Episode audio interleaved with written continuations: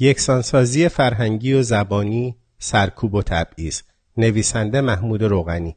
تهیه شده توسط مجموعه تریبون. تبعیض علیه اتنیک و یا اقوام و ملیت ها در زمان رضاشاه و در دوران مدرنسازی کشور نهادینه و در زمان جمهوری جهل و جنایت تشدید شد.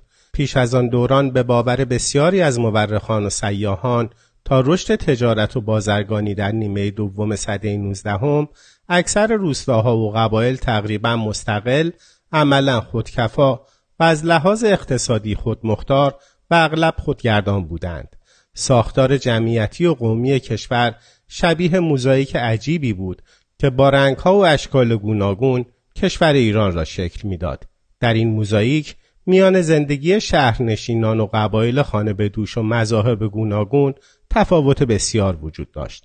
افزون بر این باید از تفاوت‌های زبانی و لحجه‌ای به ویژه میان فارسی زبانان، آذریها، ترکمنها، کردها، بلوچها، گیلکها و مازندرانیها نام برد. مهمترین هدف مدرنسازی رضاشاه را مدرنسازی ارتش و دولت و حفظ تمامیت ارزی کشور تشکیل می‌داد که از راه یکسانسازی خشن ایلات و اقوام با جمعیت شهرنشین فارسی زبان همراه شد. این روی کرد پشتیبانی اغلب نخبگان سیاسی و برخی از روشنفکران آن زمان را نیز جلب کرد. در این باره ماهنامه آینده در سال 1334 ایجاد وحدت ملی را از جمله چنین پیشنهاد می‌داد. در تمام مملکت زبان فارسی عمومیت یابد. اختلافات محلی از حیث لباس، اخلاق و غیره محدود شود و ملوک و توایفی کاملا از بین برود. کرد و لور و قشقایی و عرب و ترک و ترکمن و غیره با هم فرقی نداشته هر یک به لباسی ملبس و به زبانی متکلم نباشند. راهبردهای یکسانسازی اقوام که با مشت آهنین به اجرا گذاشته شد حتی بر اقتصاد کشور نیز اثر گذاشت. لمتون درباره نتایج این روی کرد چنین می نویسد. راهبردهای اشایری رضاشاه که با ددمنشی طراحی شد و به طور نادرستی به اجرا درآمدند به کاهش شمار اشایر، تنگ دستی و تلف شدن بسیاری از گله ها منجر شد. آثار شوم عوامل مسبور بر اقتصاد کشور وی را بران داشت که در سالهای بعد سلطنتش در این راهبردها تجدید نظر کند از جمله کوچ محدودی دوباره اجازه داده شود راهبرد تمرکزگرایی بخش دیگری از اقدامات رضاشاه را تشکیل می‌داد که با پشتیبانی سیاستمداران سرشناس آن زمان روبرو شد و امکان خودگردانی های زبانی و قومی از میان برداشته شد. ملک و شعرهای بهار در این باره چنین نوشت. با درک این مسئله که عدم تمرکز به آسانی منجر به از همگسیختگی ملی می شود من به حمایت خود به طرفداری از ایجاد دولت مرکزی قدرتمند ادامه داده و بر علیه تشکیل خود مختاری ایالتی هشدار دادم راهبردهای یکسانسازی رضاشاه به اعمال تبعیض علیه اقلیت‌های مذهبی نیز کشیده شد مدارس بهایی که تنها در تهران بیش از 1500 دانش آموز داشت در سال 1313 تعطیل شد. در سال 1310 ساموئل هیم نماینده کلیمی ها در مجلس ناگهان به دلایل نامعلومی اعدام شد. در مورد مدارس ارامنه نخست کلاس های تدریس زبان های اروپایی تعطیل شد و سپس در سال 1317 اجازه نامه فعالیت این گونه مدارس باطل شد.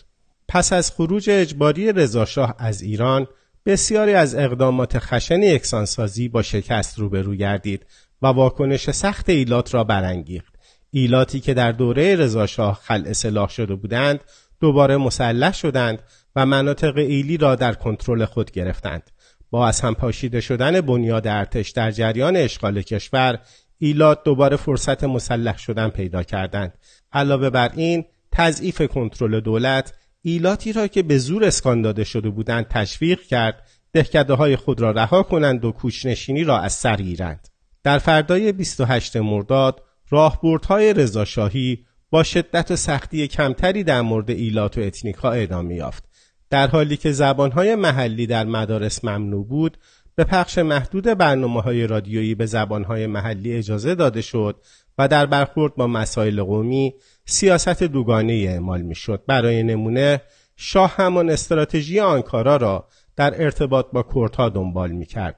نابودی رهبران مخالف کرد اما همکاری با نخبگان مهم سنتی باقی مانده و واگذاری پست های مهم در دولت به آنها اما شرایط نیمه دموکراتیک ترکیه و استبدادی در ایران در این بود که در اثر ضعف جامعه مدنی در این کشور هیچ نیروی مخالف چپ و یا غیر سنتی نمی توانست دست به اعتراض بزند. در دوران محمد رضا شاه نابرابری در توزیع منابع و سرمایه بین استانهای اتنیک نشین و مرکزی تشدید و در کنار فشارهای فرهنگی و سیاسی یکسانسازی تبعیض علیه آنها را افزایش داد. در این دوران به ویژه در سالهای 1960 درآمد حاصل از نفت عمدتا در بخش صنعت که بیشتر در استانهای فارس نشین توضیح شده بودند سرمایه گذاری شد که شکاف این استانها را با استانهای اتنیک نشین را افزایش بیشتری داد. در سال 1975 نصف محصولات صنعتی کشور در تهران تولید می‌شد در حالی که تنها 22 درصد نیروی کار صنعتی در این شهر میزیست. در زمان محمد رضا شاه و تسلط ساواک بر حوزه عمومی اختناق در تمام کشور ابعاد بی سابقه یافت و بهرهگیری از زبانهای محلی بهانه بیشتری را برای سرکوب اتنیکا به نظام شاهی می‌داد.